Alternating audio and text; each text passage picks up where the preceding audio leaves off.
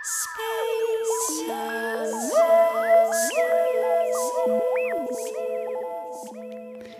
og velkommen til Solveig Speisa musikk på Radio Rakel FM 99,3. Mitt navn er Solveig Sørbø. Tekniker i dag eh, og stort sett er eh, Ingmar Bob Nilsen.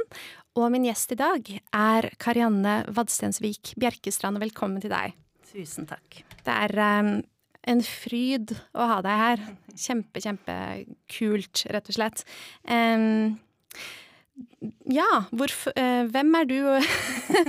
jeg tenkte å begynne med det å spørre, spørre, hvem du er, og hvorfor du tror du har blitt invitert hit. Oi. Ja, hvem er jeg? Ja, hvor begynner jeg da? Jeg er, jeg er i hvert fall Jeg bor rett over haugen her, da. Så det uh, tok meg fem minutter å komme meg hit. Jeg er 52, tror jeg. Ja. 52. Jeg har uh, to voksne sønner, et barnebarn. Jeg har vært danser og er nå koreograf, eh, bevegelsescoach, og så skriver jeg en del. Hva mer, eh, hvor langt skal jeg gå? Ja, nei, men det er kjempefint. Mm. Jeg, jeg ville jo ha deg hit fordi at eh, jeg vet at du jobber en del med, med det du sier, altså med bevegelse mm. og mm. tangerer mot musikk, og har, har jobbet en del med, med stillhet. Og ja. coaching. Altså, jeg syns det var en mm. veldig spesiell og fin eh, kombinasjon, da, så jeg ville høre litt mer med deg. Mm. Alt går jo litt over i hverandre, kan du si. Eh, men musikken er jo også en veldig stor del av mitt liv, fordi foreldrene mine er musikere. Så jeg vokste opp eh, på Høvikodden, liksom. På søndagene. Mm. og blitt eksponert for utrolig mange forskjellige musikalske uttrykk fra jeg var liten. Så det har jo preget meg veldig som danser og koreograf. Men jeg kunne ikke spille selv, selv om jeg ja, nesten ble ja, veldig oppfordret til å spille piano, men jeg måtte bevege meg. Mm. Eh, og det var gjennom bevegelse og dans at jeg fikk en følelse, en opplevelse av at her kan jeg være mer meg selv, da. Her kan jeg uttrykke meg på måter som jeg ikke får til andre steder. Så møtet mitt med dansen da var jeg åtte år, var, det var bare så utrolig kraftig allerede da. Og det mm. var det eneste jeg ville drive med. Mm. Og så har uh, selvfølgelig dansen flytta på seg i kroppen min og i, liksom, i betydningen uh, for meg gjennom hele livet, da. Og nå er jo ikke jeg aktiv lenger, men jobber med bevegelse på andre måter. Mm. Jeg bare assosierer til det, fordi at um, mine foreldre ville jo at jeg skulle spille et instrument. Mm. Men jeg gikk jo på ballett, så jeg sa sånn Nei, men jeg driver med musikk, jeg. Ja. Og ja. da sa de å ja, men det var jo så modent, så da slipper du å spille et instrument. Da kan du jo bare fortsette å danse. For det, man driver jo med musikk da, liksom. Ja, absolutt. Og kroppen er jo et musikalsk instrument i seg selv. Ja, du må jo Eller du må jo være musikalsk for å kunne danse. Mm. Herlighet. Mm. Og du har jo også jobbet litt med mm, å la det genereres lyd av eh, bevegelse eller av stillstand. Ja, det mm. Vi hadde jo dere hadde jo Alexander her, ikke sant? Mm. Ja. ja. det var jo et veldig interessant prosjekt hvor vi Ja, det var et tverrfaglig samarbeidsprosjekt med musikere og dansere. Og da tok vi utgangspunkt i stillhet og ro. Og liksom hvor lite kan noe være, men at det fremdeles kommuniserer eller har et innhold. Mm. Så der reduserte vi jo både lyd og bevegelse til et absolutt minimum, og nesten til et sånt nullpunkt, for å se hva vi kunne få ut av det, da. Mm. Ja, så det, jeg har vært veldig opptatt av, kan du si, kontrasten til bevegelse, da. Det som, er, mm. det som ikke er bevegelse, det som er stillstand og ro, og, og ja, utforske den dimensjonen. Mm. Ja. Og det handler jo om at jeg, da jeg var 22, så begynte jeg med tai chi. Som er en sånn kinesisk kampkunst, men mm. ja, egentlig mer en bevegelseskunst, da. Mm. Og gjennom det arbeidet så ble det liksom vekket en sånn dragning til den stillheten. Fordi i de østlige disiplinene så er det mye mer balanse mellom da aksjon, eller aktivitet, passivitet, eh, bevegelse, ro. Altså disse motpolene som hele tiden er i utveksling. Mm. Så da ble jeg helt hekta på da, da, var det liksom en stund jeg nesten ikke beveget meg i det hele tatt. Liksom. Mm. Fordi jeg syntes det var så rikt å gå inn i den stillheten. Ja, men for det blir jo det at det blir liksom en pause som en pause i musikken, eller som en pause eller stillhet i et dikt, eller som den Hvem var det som skrev Var det John Cage som skrev den der boka med Var det han som skrev den der boka med masse sånn mellomrom? Eller skrev han bare det stykket som er bare stillhet? 433, ja. ja. Nei, for jeg har, jeg har jo lest en bok også som var Nå blir jeg meg bare ut i, Mm. i ting jeg ikke kan, men jeg har lest en bok som var bare sånn masse mellomrom, og så litt tekst og så Ja. masse mellomrom. Det var ganske fascinerende. Ja, og kunsten har jo utforsket den, den siden av liksom ikke-form, da. Og innenfor dans så kom jo det veldig til syne på 60-tallet, hvor, hvor de strekker det veldig Altså danserne danser ikke lenger, de legger seg på fortauet og ikke sant, de, de, de bare stanser all bevegelse for å vise hva det kan være. Mm. Selv om det ikke er bevegelse til stede. At, vi fremdeles, at de skyver på definisjonene, da. Kanskje bare at det bare er intensjonen som trengs, da. At nå, Ja. nå står jeg stille med vilje, og da Ja. er det dans. Ja, ikke sant? Fordi dans har jo blitt forbundet med bevegelse, eller blitt definert som bevegelse. Men det kan jo også bli en begrensning, ikke sant. Ja. ja, det må jo være stopp der. Altså, Ja, det må jo også være stopp der, faktisk. ja, nei, men var det dette her vi skulle snakke om, lurer jeg på nå. Ja, det var, jeg tror det. Vi hadde tenkt å snakke noe om eh, Jo, vi hadde tenkt å snakke noe om kropp og bevegelse, i hvert fall. Ja. Men hvilke flere ting var det du tenkte Ja, hva, hva Ja, tenker nei, du mer om kropp og bevegelse? Ja, kropp og bevegelse, sånn? ja. Kropp, kroppen er jo der alltid, da. Um, så den er jo en sånn sikker inngang til her og nå. Mm. Og dermed så har vi et utrolig bra redskap til å oppnå veldig mange ting. Og nå for tiden så jobber jeg vel mest med skuespillere og sangere og dirigenter. Jeg har en liksom, praksis hjemme hvor jeg tar imot folk én og én, og så får de coaching på ja, blant annet hvordan kroppen kan hjelpe dem til å finne mer flyt i det de gjør, for eksempel. For um, jeg er veldig opptatt av flyt og motstand, og at det, det å være i flyt med noe, da er det jo en sirkulasjon, ikke sant. Og det, det er jo en tilstand vi ønsker å oppnå, og sånn vi egentlig ønsker å ha det hele tiden. At det er friksjonsløst og litt sånn som jeg sa til deg i stad, at jeg har det med barnebarnet mitt. Mm. At hun har jo ikke noe agenda overfor meg, sånn som hun har med foreldrene. Så hun, mellom henne og meg så er det bare en ren, eh, liksom sirkulerende positiv energi, da. Eh, Men det er jo ikke en ideal Det er en idealtilstand, men det er ikke noe vi opplever så veldig lenge av gangen. Fordi eh, grader av motstand kommer inn. Så jeg jobber med hvordan vi kan skape flyt i et punkt som kanskje, som kanskje er blokkert, da. Ja. Og da er kroppen en veldig inngang til det. Hva sa du? Ja, kan du gi et eh, Jeg blir nysgjerrig. jeg vil ha et sant? eksempel. Nei, altså sånn i Jeg kan gi et eksempel sånn Fordi jeg har en ganske ny kjæreste, da. Og han har en båt, og så har han motorsykler. Og jeg har, er veldig redd for å være på båt. Jeg har ikke noe god, god erfaring med å være på seilbåter. Jeg blir liksom jeg blir urolig, jeg blir ukomfortabel, jeg blir eh, litt sånn usikker, føler meg i veien hele tiden og sånn. Sånn at min distanse til det å være på båt er liksom ganske lang. Da. Jeg vil nesten si at den er nesten blokkert. Mens den motorsykkelen, den er veldig attraktiv for meg. Og der føler jeg meg liksom, jeg kan sitte bakpå, jeg kan holde rundt han, og vi liksom bare suser av gårde, og jeg ler. Og der går jeg liksom i ett med den motorsykkelen. Og da er det en flytsirkulasjon der. For da har jeg liksom blitt en del, eller jeg har inkludert den motorsykkelen inn i min eh, tilstedeværelse og i min flow. Og så bare, så bare flyter det, ikke sant. Mens med den båten, da, så er det liksom en mye større distanse. Og hvis jeg skal overkomme den, så må jeg jo begynne å jobbe med de hindrene som ligger eh, mellom meg og den båten. Eh, og i privatlivet så selvfølgelig kan jeg snakke med kjæresten min, så kan jeg si kanskje, vi kan vente litt med den båten, eller at jeg kan få litt tid for meg og sånn.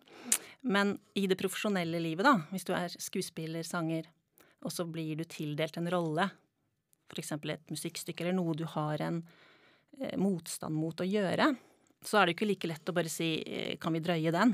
Fordi du skal faktisk levere. Og det er da jeg går inn og hjelper dem, da, så ser jeg liksom hvor ligger den blokkeringen? Hvilke hindre er det på veien her til at du kan smelte sammen med det stykket, f.eks.? Mm. Og da kan kroppen være et veldig bra sted å begynne, fordi kroppen går jo og bærer på veldig mange ting. Og, og ting setter seg veldig i kroppen, sånn at hvis vi stilner, lytter og begynner å åpne den fysiske følelsen vi har for en tematikk, så kan vi få opp en del informasjon, da. Og så kommer det til overflaten hos den personen, og så er det sånn Å ja. Å ja, det handler kanskje egentlig om det, eller Ja, jeg føler det sånn. Eller så får vi inn noen følelser, noen tanker, noen Ikke sant. Det der med at eh, etter hvert så kan vi ha så mye motstand mot noe at vi begynner å definere, sånn som at ja, Karianne hun er sånn som ikke kan være på båt. Ikke sant? At jeg begynner å definere meg som Mm. Altså, og så begynner jeg å lage en historie rundt at jeg ikke kan være på båt, og dermed så har jeg begrenset. Mitt, mitt, eh, bevegelsesrom med en båt, da, skjønner du. Mm. Ja, så det handler veldig om å brekke opp disse uh, mønstrene, uh, det som blokkerer oss, og skape en flytsirkulasjon i det. Wow. hva slags Ja, hva mm. slags, hva slags stillhet er det? Er det liksom at man står stille, at man er stille? At man liksom ja, Eller er det begge deler? Absolutt. Jeg kan, jeg kan, lede da eh, klienten min da, inn i en ro, inn i en meditativ tilstand, fordi det handler om å på en måte nullstille deg litt. Mm. Og kanskje gi slipp på Altså vi går jo rundt med ganske mye støy på innsiden, veldig mye tanker ofte, ikke sant. Ja. Og bare få litt ro til å gi slipp på det som ligger, eh, ligger i systemet. Og da komme til en mer en essens eller en kjerne. For dette Det som er så spennende, er at hvis du Og du kan jo kjenne litt på det selv nå, Solveig, mens ja. vi sitter her, ikke sant? Um, at hvis du bare lar deg falle innover i deg selv Bare tillat det at det liksom Ja, du roer deg, du samler deg, du synker inn i deg selv. Når du gjør det, så begynner du også å gi slipp på det du prøver å holde fast i utenfor deg, kanskje. Og dermed så utvider også omgivelsene seg mer. Sånn at det, det der å uh, sentrere seg, samle seg, ta seg den tiden til å gå inn, er ikke det å bli da At jeg da lukker meg for omgivelsene og jeg blir selvsentrert og sånn. Nei, det er det motsatte. Ved at jeg gjør det, så gir jeg også slipp på mine Det jeg tur... Eller altså eh, Det jeg gjerne vil at omverdenen skal være, da. Mm. Ikke sant? Og heller kanskje bare begynner å kjenne hvordan det er i virkeligheten. Men jeg syns det er en kjempefin øvelse, og nå gjorde jeg det litt her, på direkten. og det er, kan jo ikke dere der ute høre, men jeg, jeg, kjente noe. Jeg kjente absolutt Eller jeg dro kjensel på en følelse jeg har hatt når jeg har stått på scenen, liksom, for lenge mm siden. Hvor jeg har opplevd å være tilstedeværende. Mm mm. Ja. Så, ja og det får si litt mer om det, da. Nei, men altså, er, jeg husker at Og det er kjempelenge siden jeg har fått det til, men um, Men det var en følelse som jeg klarte å fremkalle den, Eller det nærmeste jeg kan forklare det med, er at liksom luften blir, blir at den sitrer litt, på en måte. Mm. Man får sånn eh, Tenker at man kan ta og føle på luften, eller hele mm. stemningen rundt. Det var fint sagt, ja. Og så er det som du sier, eh, eller det var det jeg kjente da, og dette her lignet litt. eh, på at man, at man, får litt sånn bredere syn, nesten. Ikke sant. At man tar kanskje litt mer inn rommet. Ja. Men det er jo mange veier, veier dit. Eh, Absolutt. Men jeg tror et stikkord er det med, med, med stillhet, eller å kjenne etter falle inn i seg mm. selv. Bare veldig fint sagt. Mm. Mm. Ja, og det, der, det, å stå på scenen, da, det jo Det krever jo en, en, et veldig nærvær sant, til deg selv og til det du skal uttrykke, for at publikum skal kunne få den kvaliteten vi ønsker, da. Mm. Sånn at det, det, der med scenenærvær Da må vi jo Jeg, jeg syns jo at scenekunstnere virkelig ja, er forpliktet til å kunne noe om dette. Altså dette er ferdigheter. Mm. Eh, men vi lærer Jeg tror kanskje det er bedre nå, men da jeg ble utdannet som danser, så var jo ikke dette et tema. Mm. Det var jo kun liksom tekniske ting, vi skulle liksom briljere med det. Eh, nå underviser jeg på Operahøgskolen, og nå heldigvis får jeg lov til å snakke om dette til studentene der. Og det er veldig, veldig konstruktivt for dem å måtte tenke litt på og begynne å praktisere sitt egen, sin egen rene tilstedeværelse. Mm. I en scenisk eh, sammenheng, da. Mm. Ikke sant. Men eh, jeg tenkte også på det med den historiefortellingen, eller at man forteller Bygger et narrativ rundt mm. hvem man selv er. Mm og sikkert også blir påvirket av hva andre mm. forteller om deg, eller ja. ja. Um, jeg husker at det, da jeg oppdaget at jeg syntes det var så my mye lettere å få liksom tak på en person som var flink til å fortelle den historien sin. Mm -hmm. um, kjente blant annet en person som, som snakket mye om uh, jeg er sånn, og, så, og det, jeg, jeg fikk på en måte en sånn nesten sånn en veldig sånn håndgripelig følelse av hvordan hun var, fordi hun klarte å fortelle det, og hun brukte gjerne bilder. Hun brukte gjerne sånn Um, ja, jeg er som en sånn sommerfugl. Jeg er som en larve. Jeg må inn i en kokong. Jeg må stenge meg inne, og så må jeg ut. Og så, og så hadde hun i tillegg veldig mye sånn eh, gester. Veldig mye sånn Ja, hun gestikulerte mye. Mm. Og så fikk jeg, jeg opplevde i hvert, hvert fall jeg, og jeg tror alle, fikk et sånt veldig sånn tydelig bilde av hvem hun var, da. Mm. Um, så jeg syns det var litt sånn interessant. Det er jo veldig bra at hun er formulert rundt det. Mm. Og så får vi håpe at ikke hun holder fast på den definisjonen av seg selv for alltid. Ja, eh, ja for jeg tenker at vi skal være litt forsiktige med eh, å, å liksom Ja, igjen, da. Låse det narrativet. Låse mm. det bildet av hvem vi er. Fordi der er vi tilbake til det med bevegelse og litt mer sånn utvidet begrepsforståelse av hva bevegelse er. At alt mm. er i forandring hele tiden. Vi er i forandring hele tiden. Eh, naturen forandrer seg hele tiden, og dermed også vi, fordi vi er natur. Mm. Så jeg syns det er veldig fint å jeg syns det er litt sånn trøst i det òg, jeg. Ja. At mm. uh, vi er hele tiden i endring, og vi kan en, til en viss grad styre det litt selv. I hvert fall med hensyn til hvor åpne vi kan være da, for en ny versjon av oss selv. Mm. Vi var ungdommer på den tiden, og da okay. tror jeg man trenger uh, Identitet. Man, ja, man prøver ja. å finne identiteten. Mm. Men det er kjempeviktig det du sier med at det er viktig å ikke henge seg fast i den. Og noen ganger mm. så trenger man kanskje litt hjelp også til å bli, bli omfortalt. mm. Og det som du sa i stad om at det, det, er like mye omgivelsene som begynner å eh, plassere deg, da. Jeg husker da jeg gikk i liksom, siste året på Balletthøgskolen, og lærerne hadde ganske sterke meninger om hva jeg skulle gjøre. Fordi jeg hadde talenter i visse retninger, liksom. Mm.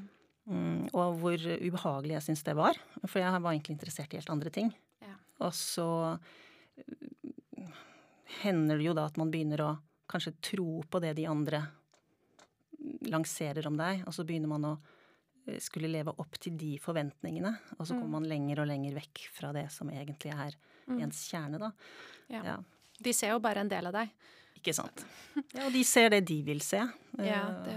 Ikke sant. Så der ligger det jo mange ting ja. Skal vi begynne å høre litt på det, det første musikkstykket mm. som du har med? Mm. Hvis vi kan bare begynne å få det litt i bakgrunnen, så kan du fortelle litt om ja. hvorfor du har valgt det. Jo, det var jo dette med ro og stillhet i kunsten. Eh, jeg har nok alltid hatt en veldig sånn dragning til det kontemplative i kunsten. Og hvor jeg får sitte i fred jeg liker konfronterende kunst òg, altså, og mye action og sånn, men, men, det der å få Der hvor kunstuttrykket kan liksom åpne det rommet da, for uh, ettertanke og dybde, det syns jeg er helt fantastisk når noen får til det. Og han um, som har skrevet dette stykket, da, han heter Lucio Capese og er fra Argentina. Han er saksofonist og bosatt i Berlin. Og jeg møtte han i ja, år 2000, tror jeg det var. Hvor vi deltok på en, en sånn felles kveld. Han hadde konsert, og jeg danset med en annen musiker. Og siden så har vi vært venner og hatt veldig mange fine samtaler og utvekslinger om akkurat den derre det mikronivået i, i um, musikk og scenekunst, da. Er det litt sånn tai chi-musikk? Nei, det vil jeg ikke si. jeg, jeg tenker at jeg vil sånn Men, det er for lang tone. Ja. Jeg, jeg, så for meg sånne kjempesakte bevegelser. Mm. Jeg ser for meg den. Da, sånn. Ja, uttrykket her er jo veldig strukket. Ja. Og utvidende. Ja, det var min veldig forenklede tolkning av det. Men jeg må jo alltid lage sånne koblinger, og noen ganger mm. blir det feil. Mm. Nei. Skal vi høre litt på bare det?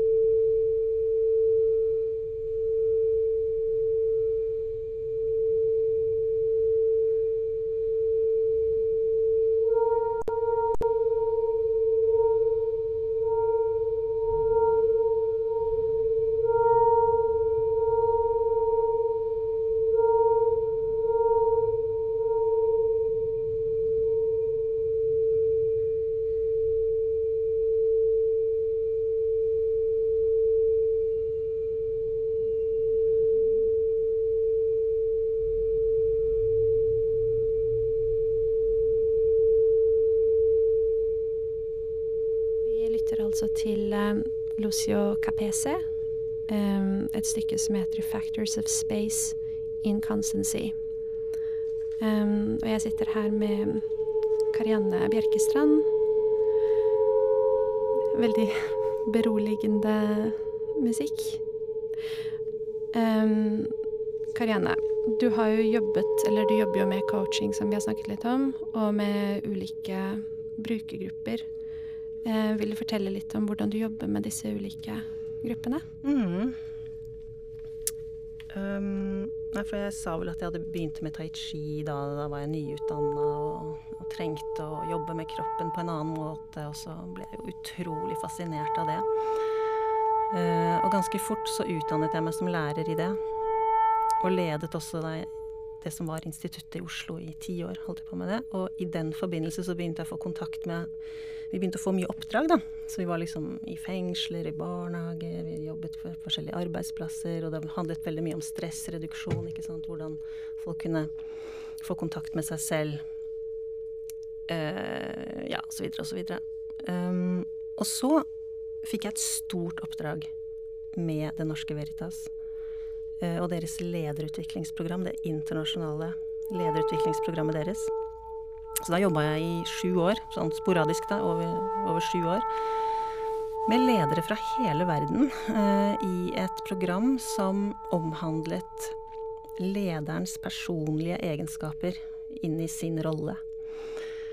Og da hadde jeg sesjoner med dem to ganger om dagen hvor vi jobbet med ja, tai chi-relaterte øvelser som, som, da skulle fremme eh, lederegenskapene deres. Fordi ledere skal jo utvise trygghet.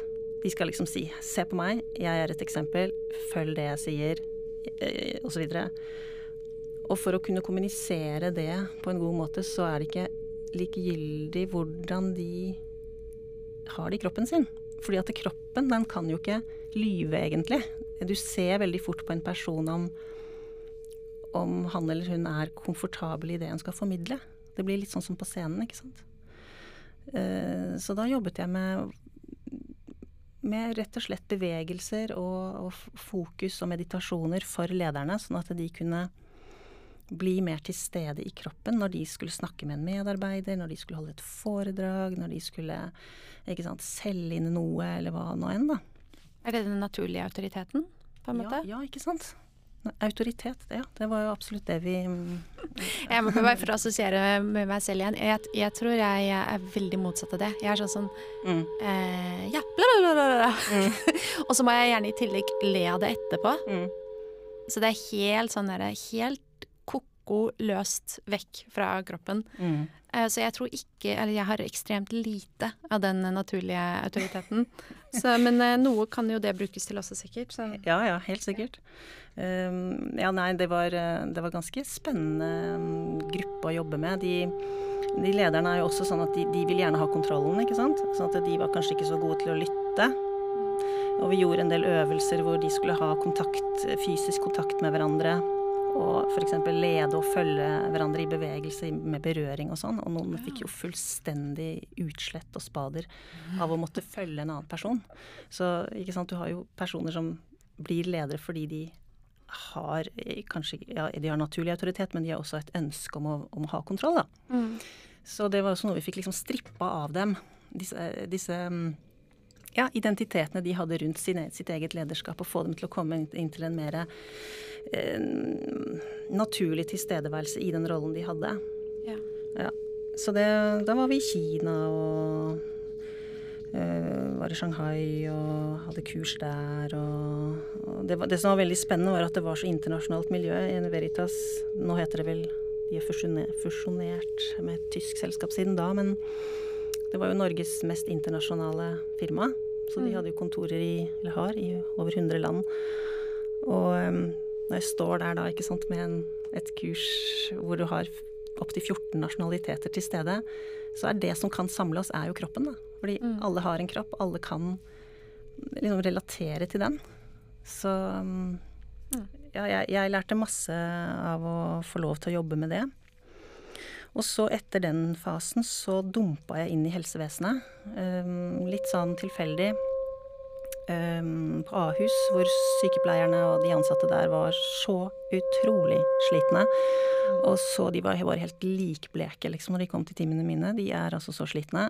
og så der handlet det jo mer om å mobilisere, regenerere energi osv. Og, så og så ballet det på seg, så til, til, slutt så hadde jeg kurs for pasienter da i Nesodden kommune, kreftpasienter. Og så begynte jeg å jobbe med mennesker som skulle dø. Mm. Og det var vel den ultimate utfordringen for meg. Å um, hjelpe et menneske som Eller assistere, bidra til en livskvalitet hos et, en person som går og venter på å dø. Mm. Um, ja, nå må du spørre, tror jeg. Fordi... Ja, nei, ja, fordi at det, da, tenker jeg litt sånn Hva har den brukergruppen behov for? For ja. det blir jo en, et veldig annet behov. Blir det å gi slipp? Blir ja. det å finne en slags lindring? Mm. Hadde de mye smerte? Mm, Eller ja. ja. Det var uh, absolutt dette med smerte. Um, fordi når man har smerter, så orker man jo ikke å forholde seg til det. ikke sant? Man vil vekk fra det. Og litt sånn som vi snakket om i stad, da lager man den distansen da, mellom det du vil, og det som er. Mm. Um, så jeg jobbet jo med å prøve å liksom bridge dette her, da. Uh, orke å kjenne på den smerten, om den er da emosjonell eller fysisk. Prøve å romme den litt mer. Mm. Med en av pasientene så klarte vi liksom å At hun ikke bare hoppa på smertestillende med en gang, men er det noe å hente her? Mm. Når, jeg møter, altså, når, jeg møter, denne smerten, er det noe jeg kan få igjen for det? Kan jeg bli mm. kjent med meg selv i det å møte den smerten? Da? Ja, for det er møtesmerte. For det, altså jeg tenker sånn I noen tilfeller så vil man kanskje helst ikke ha den kroppen, for den kroppen mm. er jo så vond å være i. Mm. Og, men at veien da er veien da allikevel å komme i kontakt med kroppen? ja, det er, det er hardt å si ja til det, egentlig. Men uh, mm. jeg tror jeg må si ja til det. Ja, ja, men, um, ja, um, men ikke for enhver pris, selvfølgelig. Uh, man orker det man orker. Men det jeg så, da, um, når de ble introdusert for, for, øvelser og den, måte, den omsorgen jeg kunne gi på den måten, var at det, det ble litt mer ut, utholdelig. Ja. Utholdelig. Ja. Um, det snakkes jo om å møte altså, sånn som kvinner i fødsel også. Mm. De blir jo fortalt, eller man blir jo fortalt når man føder, du må akseptere smerten. Ja. ja. ja ikke sant? Da blir den mindre? Ja, den, den, blir mindre. Når du går med den, så, så, er du i en slags harmoni. Det høres jo helt ko-ko ut å si, men ja. da er du litt mer i harmoni med den virkeligheten du står i, enn hvis du prøver å fornekte den eller lage motstand mot den. Så blir det på en mm. måte en dobbel eh, kraftanstrengelse, da. Nå kan det hende jeg spør veldig vanskelig her, men uh, jeg, jeg prøver allikevel. Mm. Uh, og så får du um, Det kan jo være grunner til at man ikke vil ha en kropp. Det kan være at det er veldig vondt. At kroppen er veldig vond. Mm. Uh, eller at kroppen har vært utsatt for ting som var vonde. eller kanskje til og med har Hvis man har vært Hvis man har vært voldelig da, selv. Mm -hmm så er man kanskje sint på kroppen sin og liksom ikke vil mm. vedkjenne seg den. Mm. Hva, hva, tenker du umiddelbart? Ja, nei, da, det er jo samme prinsipp igjen. Da. da har du skapt en distanse til din kropp. Mm. Og så har du ut, liksom Det er ikke den tilgjengelig for deg sånn som du vil at den skal være tilgjengelig. Mm. Ikke sant? Uh, og så er konflikten i gang, da. Mm. Og igjen da så er arbeidet å begynne å akseptere eh, det du er. Ja. Uh, aksepter spenningen i skuldrene, akseptere smerten i magen, akseptere uh, og, og, og, orke å stå i det. Da. Og gjennom det så utligner du kanskje den smerten, eller den, i hvert fall den distansen, sånn at det, det, er først da du virkelig kan løfte deg fremover. Og det var det som skjedde med den ene pasienten min, at hun ikke bare hadde hun masse smerter og sånn, men hun var også i total fornektelse av at hun skulle dø. Hun ville ikke snakke om det. Uh, legene klarte ikke å tematisere det med henne. Uh, og så er det da gjennom mine sesjoner, fordi vi går via kroppen, at hun begynner å klare å snakke om det. Ikke sant? Mm. Så, sånn at det, når kroppen ble tilgjengelig for henne, så fikk hun også tilgang til opplevelsen og, og, og, og, situasjonen sin. Mm. Så det var jo en, en helt fantastisk at hun fikk det på slutten, tenker jeg. Ja. Og at hun, hun gikk inn i den siste uka med en slags ro. Uh, hvor hun da, igjen da ikke sant, smelter sammen med det som er sant. Og dermed så kan hun gi slipp på all den motstanden. Mm. Og så døde hun veldig fredfullt, da. Så det var litt sånn suksesshistorie akkurat det, ja. med, med, henne, da. Og hun var jo like gammel som meg. Var jo, jeg var jo utslitt i ukevis et, etter den jobben der, fordi ja. ja. du kan tenke deg hun var 43 år, liksom. Mm. Så det var jo tragisk. Ja. Kan man si. Men um, ja, hva er tragisk, hva er ikke? Det er jo mm. et helt annet spørsmål. Ja, men det er jo Ja, det er fint med en Ja, det var jo en god historie. Mm. Men jeg, det må jo være veldig slitsomt. Jeg kan tenke meg at det er veldig slitsomt å, å jobbe med det. At man må jo kjenne det på sin egen det, det, er, det, det, er veldig slitsomt, men samtidig veldig meningsfylt. Uh, og siden jeg mistet moren min da jeg var ung, og i kreft veldig sånn raskt Hun døde bare etter fire måneder. Mm. Så, og, og, den maktesløsheten vi følte med henne da, den fikk jeg nesten helbredet når jeg fikk hjelpe andre med det jeg har lært eh, ja. om kropp og bevegelse. Sånn at jeg fikk en, en, personlig gave av det også, faktisk. Å jobbe med, med de som skulle dø. Mm. Um, ja. ja. Så det er noen øvelser, altså en, en slags uh, guided øvelse? Ja, ja, ja, det kommer jo veldig an på. De er jo så begrenset. Um, sånn som hun jeg snakker om her, da. Hun ble, var jo også blind på mm. av den kreftsvulsten i hjernen. Så hun da jobbet vi mye med at hun måtte begynne å sanse ting på nytt. Hun eh, måtte begynne å virkelig kjenne hva hun tok på. Bordflaten, når hun tar rundt glasset, distansen opp til munnen, ikke sant. At vi senket tempoet i kroppen hennes med i hvert fall 30 da. Mm. Hele tiden. Liksom, det var liksom en, noe som hjalp henne. Uh, og så jobbet jeg med andre som uh, som til slutt lå i senga, da, men vi, vi holdt nå på med hendene, ikke sant. Så dette, mm. kroppen er jo Kroppen er jo én ting, men en detalj i kroppen kan jo påvirke hele kroppen. Mm. Sånn at å jobbe med et håndledd eller med hånda di kan jo påvirke bena. Og det handler jo kun om innstilling og hvordan du på det indre kan åpne forbindelsene, da. Ja, ja. Nei, jeg bare ja. lurer på hvordan det kan eh, Hvis du gjør noe med ja, hendene, ja, da. Hvis du kjenner det selv nå, da. At du, du kan liksom, hvis du bare holder rundt håndleddet ditt, og så roterer du den åpne hånda, mm -hmm. og så bare synker du inn i håndleddet ditt og begynner å kjenne fra innsiden mm -hmm. hva som skjer i denne sirkelen. Og så kan du åpne oppmerksomheten til resten av kroppen. Og så kjenne at du deler denne bevegelsen med hele deg. Og kjenn, kan føttene dine få med seg dette? Liksom, ja. Kan nakken din registrere? Kan, kan denne Det lille du mobiliserer i håndleddet nå, kan det få spre seg? Dere hjemme må også prøve. påvirke hele deg. Ja, sånne ting, da. Uh, Ingmar sitter og prøver å se mm. på teknikkrommet. Mm. Jo, men jeg kjenner det, er så fint, mm. for det er så utrolig enkle ting man kan gjøre for å, for å gjøre en stor uh, forskjell. Mm. Men ja, vi skal, vi skal, snakke om litt flere ting også, men um, hvis, man har, hvis man er for eksempel um, paralysert fra livet og ned, da. Hvordan, hvordan Paralysert? Jobber, altså hvis man, er, hvis man, har en lammelse mm. um, i deler av kroppen. Har du, har du, jobb, har du noe erfaring Nei, det har jeg med det også? Ikke. Nei, ikke akkurat det. Nei. Men eh, ja, jeg mener ikke at, eh, at, det er noen mirakler eller noe sånt, men at, eh, at du ville da, da ville du jobbet allikevel med for eksempel Tror du du ville jobbet med de samme øvelsene mm. så langt det går an, eller det blir jo det. Det kan jeg ikke svare på, rett og slett. Du har ikke gjort det, så Nei. nei det, det er bare vært... ja, Det er sånn jeg assosierer videre, vet du. men jo, herregud. Ja. Men jeg, jeg, ser for meg at Ja, nei, det er veldig, veldig artig å få at, at, du deler av disse øvelsene, så folk kan, eh, kan prøve selv også. Mm. Ja. Men du har med deg noe mer, mer musikk, og du har med deg noen flere, flere temaer, blant annet um, ømhet, rett og slett. Ja. Kanskje vi bare skulle hørt på den, mm. den teksten? Ja. en tekst Skal vi snakke om det etterpå? Ja. Skal, si når, skal, du si når teksten er fra, eller skal vi ta alt det etter teksten? Jeg kan si at det er fra 1654. Mm.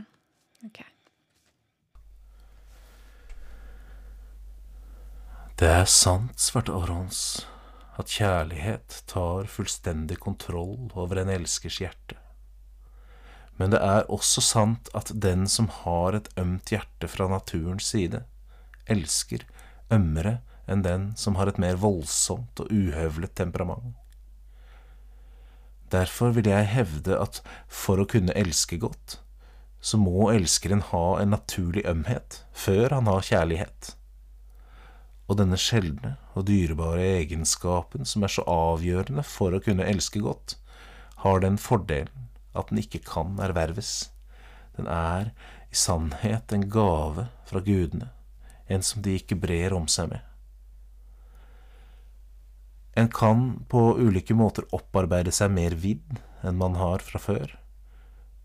Man kan kvitte seg med nesten alle lyter og erverve alle dyder, men en kan aldri oppnå ømhet.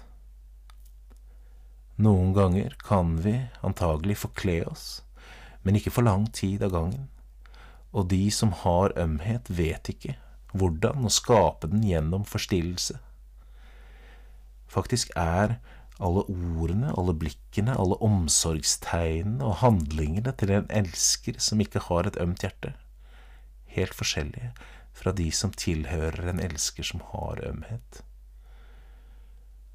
For han kan ha respekt uten en slags mild underkastelse, og det behager mer. En høviskhet uten bifall, en lydighet uten bløthet, ja, til og med kjærlighet uten en særlig forfint følsomhet, som alene gir opphav til alle lidelsene og lykkene til de som elsker, og som når alt kommer til alt, er det sanneste tegnet på en fullkommen elsker. Jeg legger likeledes til grunn at en øm elsker verken evner å være utro, svikefull, forfengelig, uforskammet eller ubetenksom. Og for ikke å bli bedratt i verken kjærlighet eller vennskap, så er det like viktig å undersøke om en elsker eller en venn har ømhet, som å undersøke om de har kjærlighet eller vennskap. Mm. Ja. Hva, hva var det dette, vi hørte? dette, er, eh, dette er et utdrag fra en roman på 7000 sider skrevet i 1654 av eh, Madeleine de Scudery. Eh, og det ble lest av eh, Marius Kolbenstvedt. Det er en tekst som er oversatt av Ellen Marie Krefting. Det er første gang den er oversatt til norsk, fordi det fins ingenting på norsk av denne forfatterinnen Mm. fra Frankrike, 1600-tallet. Ømhet ifølge Arons. Arons, Arons er da mm, romankarakteren som snakker om ømhet. Um, og ømhet er et gjennomgående tema i både romanen og i hele hun Madeleine de Scuderi sitt liv. Og eh, jeg kom borti det fordi jeg har vært veldig opptatt av barokkdans og barokkmusikk. Um, men nå er jeg over på litteraturen og hva, hva, man skrev på den tiden. Og så har jeg gjort veldig mye research rundt hun Madeleine Scuderi som jeg fant så fascinerende. Men grunnen til at jeg tok det med, var dette her med ømhet og at Ja, jeg, jeg, jeg har et skriveprosjekt rundt dette her, da. Jeg vet ikke helt liksom hvor det ender, i hva slags form det blir, men, men ømheten og kroppen og følelsene opptar meg. Og hva, er, hva, mener du med ømhet? Ja, hva mener jeg med ømhet? Og det, det, det er ikke så lett å definere det, syns jeg. Så det er det undersøkelsen min går på. Men jeg kan si litt om hva de tenkte om det den gangen. Fordi på 1600-tallet hun Madeleine Scuderi, da hun Det er jo helt fantastisk, for hun lever hele det århundret. Hun blir født i 1607, og så dør hun i 1701. Så hun blir jo liksom godt over 90 år. Og hun er en enormt suksessrik forfatterinne i sin samtid, og skriver og skriver. Altså, hun har skrevet det som er anses for å være det største verket noensinne publisert. Det er liksom 13 000 sider eller noe. Mm. Uh, ja. uh, men i hvert fall på den tiden da, så er jo kroppen Kroppen er kroppen, men følelsene de tilhører liksom kroppen, og de skal man liksom Descartes han sier liksom nei, du må stole på tanken. Det er liksom kroppen og følelsene, de skal man ikke lytte til og føle De har jo nesten ikke ordet følelser engang, de snakker om lidenskaper. Og det er liksom tilhører kroppens mørke. Men så kommer det en motreaksjon utover på 1600-tallet hvor dette med ømhet blir eh, tydeliggjort. Da. Og da er hun Madeleine Skuderi en av de som begynner å skrive om det. Og så kommer disse ordene mye mer fram i språket. Tendresse og intimitet og sånne ting. For da begynner følelsen og det med hjertet begynner liksom å bli mer de ting de snakker om. Både i litteraturen, men også i liksom salongkulturen i Paris. Så hun er en av de som begynner å definere ømhet. Og som vi hørte i denne teksten, da, så sier denne romankarakteren at ømhet, ja, det er noe man må ha før man kan elske. Og da lurer jeg liksom på hva mener de med det? Er det Jeg kjenner litt på meg selv i dag, da. Hva er ømhet for, for oss nå? Er det liksom det å være var og nær? Er det å være omsorgsfull? Er det å være øh, varm? Er det å være oppmerksom? Er det å være forsiktig? Ikke sant? Eh, så jeg har liksom prøvd å lete litt i hva er det vi legger i det begrepet. Eh, og så har jeg vært veldig preget av det, for det eh, jeg opplevde at den forrige samboeren min døde veldig brått. Og, og det å leve videre etter et tap med en du har elsket, eller en du elsker, det jeg, liksom, jeg følte at jeg satt igjen med bare ømhet, da. Altså det, det, var liksom en sånn veldig sånn sterk opplevelse. Um, ok, han er ikke her, dette fortsetter ikke i den fysiske virkeligheten, men, men ømheten for oss og for historien er liksom bare vokste. Og for meg da, som personlig, så er, er ømhet veldig knytta til hjertet mitt. Mm. Ja. Og til den hengivenheten jeg kan ha til f.eks. den hendelsen eller han. Mm. Uh, men som jeg gjenkjenner i omgang med andre ting i livet mitt også. Mm. Jeg vet ikke hva du tenker, om du får noen assosiasjoner. En, um, det er ikke noe vi snakker så mye ja. om, det med ømhet. Nei. Men det er jo også litt sånn at det, er, at det ble kanskje brukt mer uh, før. Altså mm. at, på 1800-tallet, eller altså kanskje Ja, i den romantiske ja. At det er litt sånn romantisk følelse. Mm. Og, uh, og, så tenker jeg også at det blir sånn uh, ømt. Da, da tenker jeg at man er mer sensitiv, da. Mer mm. følsom. Mm. Sånn som, det, det, er også på kroppen at hvis du er litt øm, så er det jo at du, du kjenner det sterkere hvis du, mm.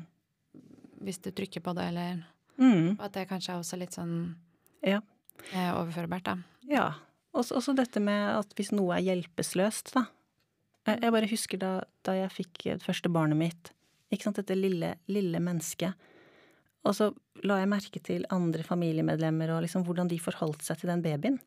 Og så plutselig så ser jeg noe nytt i dem fordi de må Altså som jeg vil kalle ømhet, da. Mm. At de holder det, det nyfødte barnet altså, Du må være forsiktig, du må være oppmerksom, du må liksom møte det med mm. mm litt mer sånn følsomhet, eh, da. Ja. ja. Sånn at den, når vi møter noe som er svakt, så får vi kanskje opp ømheten. Mm. Ja. En sånn godhet som veller opp. Ja, god, godhet også, ikke sant. Så blir det overdrivelsen av dette Da, da går vi over mot sånn sentimentalitet og og disse ja. bøkene på 1600-tallet når jeg leser, det er veldig vanskelig tekst, det hørte du sikkert, det er veldig sånn mm. Det er så mye adjektiver, og det er så mange ord, og det er mm. liksom De drar det skikkelig langt, og det er liksom åh, liksom, i språket. Svulmer, og dette her tok jo helt av, da, med hun Madeleine Skuderi, og sånn at hun ble jo latterliggjort. Oh, ja og hetsa og sånn, fordi det, det, det, bare, som alltid i barokken, det blir bare så overlessa til slutt at det, det bare ramler sammen, ikke sant. Mm. Hm. Ja. Wow. Men eh, vil du passe deg å fortelle om det ømhetskartet nå? Ja, ja, fordi, ja, det er jo det som, som er så spennende. At hun, hun Madeleine Skuderi, hun, hun hun lager da en illustrasjon i denne romanen som er et kart over ømhetsriket. Og, og, for henne da så blir eh, følelser, og spesielt det å være øm, en dyd. Det blir noe som eh, man kan opparbeide seg og leve ut. Og det er særlig eh, menn som skal lære seg dette, da, ifølge henne. Um, så hun driver egentlig hun, hun, anses jo for å være Ja, her får vi Hans Knut Sveen. Dette er sikkert Passende musikk. Ja, ja, ja. Mm. Skal jeg fortsette Nei, å snakke? Bare fortsett å okay. snakke oppå det, du. Mm. Mm. Um, ja, for dette satt de kanskje og hørte på uh, på salongen. Det er jo helt merkelig. Ja. Um, nei, hvor var jeg? Uh, jo da, dette kartet. Hun lager et kart, en slags geografi, da, over uh, følelsene, det, in, det, indre landskapet. Og så tegner hun det som en elver og byer, og så har du en by som heter godhet, og så har du en by som heter respekt, og så har du elven for tiltrekning og sånn. Mm. Veldig sjarmerende og pussig, bisarr ting. Mm. Men så bruker hun dette kartet i, i, salongen sin, hvor det kommer da folk fra både fra liksom sosieteten, kunstnere osv. Og, så mm. og så har hun et slags rollespill på salongen. Altså hun, hun det må vi jo bare gjenskape. Ja, ja det, er det, det, det jeg driver det, ja, det, skal jeg som gjøre. Som en salong? Ja, oh, ja fantastisk. jeg håper jeg får, får, til det på en eller annen måte snart. Eh, sånn at hun gir salongmedlemmene sine fiktive navn, sånn at de blir liksom eh, Slipper den her statusen de har ute i samfunnet, men de blir da eh, seg selv. Og så vandrer de over dette kartet. Og så underviser hun dem i følelser og ømhet, og hvordan de skal liksom være sammen mm. eh, på tvers av kjønn. Vennskapet er veldig viktig her. Og eh, fordi på den tiden så kunne ikke en mann og en kvinne være venner. Det var liksom ikke mulig. Eh, så hun er en av de som fronter lik likeverd, og blir ansett for å være Europas første feminist. Mm. Ja, og cembaloet har jeg litt sånn personlig forhold til òg, fordi vi hadde et spinett hjemme i stua. og jeg satt og øvde Den lille stunden jeg spilte piano, så øvde jeg jo litt på spinett også. Mm. Og så har jeg danset en del barokkdans. Og hvis du bare hører på denne ja. cembalo-musikken, så er det liksom sånn det, det, det gnistrer, liksom. Jeg blir alltid litt sånn glad når jeg hører denne lyden, for den er så spenstig. Ja, den er det.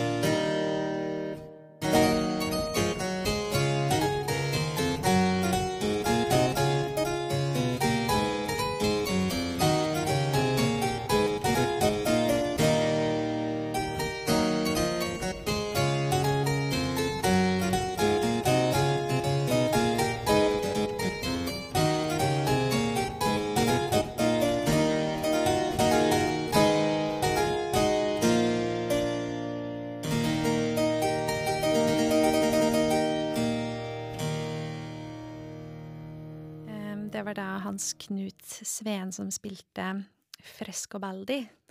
Um, og ja, med det fikk vi illustrert, eller tatt oss litt tilbake til, til barokken og um, denne salongen av, av, følelser og ømhet mm. som eh, du, Karianne, skal gjenskape. Det gleder jeg meg veldig til. å Se hvordan det blir. Se hva, hva, det, hva slags form det tar. Ja. Men ikke sant, eh, jeg syns det er det der med tid, og at det er århund, flere århundre siden de satt i salongen og, eh, og begynte å bruke disse ordene mer sånn på ordentlig, da. I dag er vi jo Vi er jo kommet videre. Vi, vi vet Altså, vi er jo uh, emosjonelle. Vi tar emosjoner på alvor, og liksom det er en mye større naturlig del av Kanskje. Kanskje ikke. Men, men at vi vi driver liksom med det samme da, som det gjorde den gangen, men uh, vi har ulike uttrykk tilgjengelig for oss. Mm. Ja. Ja, det former jo litt hva vi Altså, jeg, det var, jeg syns det er veldig fint når man kan ha veldig mange forskjellige ord til å beskrive ulike følelser. Mm. Det, man, man, gir jo litt plass og tid til disse følelsene, og da kan man jo føle det mer, istedenfor at det blir en sånn en uformelig masse Mm. av ting. Det er jo det språket er så fint til. Men, mm. Og så prøver hun, Skuderien prøver liksom å lage en sånn oversikt over det de definerer på den tiden, at, som handler om det indre livet og, og i, spesielt relasjoner, da. mm, Hvordan man eh, eh, øver seg på å beherske følelsene sine sammen med en venn eller en Mm. partner.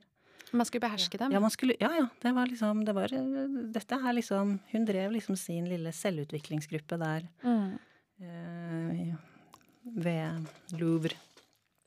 Mm. fantastisk. Ja, så, så artig å høre om. Mm. Vi skal Ja. snakke litt mer om eh, Hva var det? Hva var det? Ja, hva er Stillhet? det? Vi snakker Stillhet. enda mer om stillhet, ja. Enda mer om stillhet. Vi kan snakke om masse andre ting også, vi bare Ja, nei, men Ja, nei Altså, ja. Følelser, tanker, kropp. Det er jo ting vi er i kontakt med hele tida. Mm. Og som vi navigerer etter, selvfølgelig. Eh, Sånn tilbake til det jeg jobber med i coaching og sånn, da, så mm, handler det jo mye om å gå litt bakenfor disse tingene. Og da må vi stilne. Um, og vi snakka jo litt om døden i stad, og uh, ikke sant, det bakenforliggende, da tenker jeg det som, det som ennå ikke er manifestert, og det som er fremdeles tomt, det som er bare potensialet, som ennå ikke har fått en form. Litt sånn som det ømhetsprosjektet mitt. Jeg har liksom gjort noe der, men det har jo ikke, på en måte ikke funnet sin manifestasjon. Fremdeles er det liksom en stor uh, sekk der som bare er tom, og som jeg må på en måte inn i. Eh, men jeg er, veldig, jeg er veldig opptatt av at vi holder den, det tomrommet levende. At vi er at vi ikke eller identifiserer oss altfor mye med følelser, tanker, kropp og det vi snakket om i stad, hvilke forventninger andre har til meg, men at klarer du å holde en kontakt med det som er ingenting? Eh, det som er det store bakenforliggende stillheten din? Eh, ja, da i hvert fall opplever jeg at jeg kan eh, hente ting fra et litt dypere sted, kanskje, eller et litt mer nøytralt sted, eller hvor jeg har en mer sånn utvidet versjon av meg selv. Ja.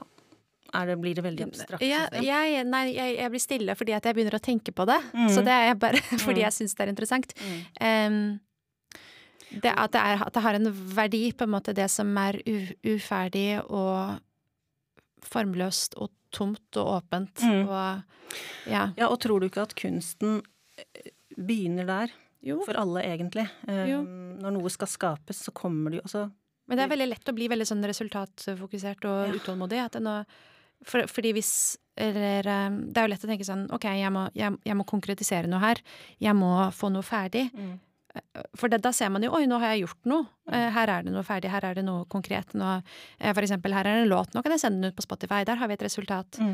Um, men det er, jo, det er jo en stor prosess bak som Mm. er kjempeviktig for at de resultatene skal kunne komme. Mm. Jeg vet ikke om det var det du mente, da. Jo, men jo, eh, jo, kontakten til et eller annet stort bak der. Ja, og da kan du jo velge hvor mye oppmerksomhet vil du legge i den i det rommet bak der. Mm. Jeg bruker det hele tiden. Flere ganger Ja. om dagen, liksom. Så har jeg det som en tilgang hvor jeg slipper meg selv inn der. Mm. Og så kommer det kanskje en idé som Eller en bearbeidelse eller noe som jeg ikke ville hatt forbindelse med hvis jeg skulle kontrollert veldig med, eller lett i tankene mine. Men er det, er det dumt å være der for mye? Eller kan, kan Nei, det er, fare, er det for mye? det er absolutt en fare med alt som blir for mye. Mm. Ja, ja, ja.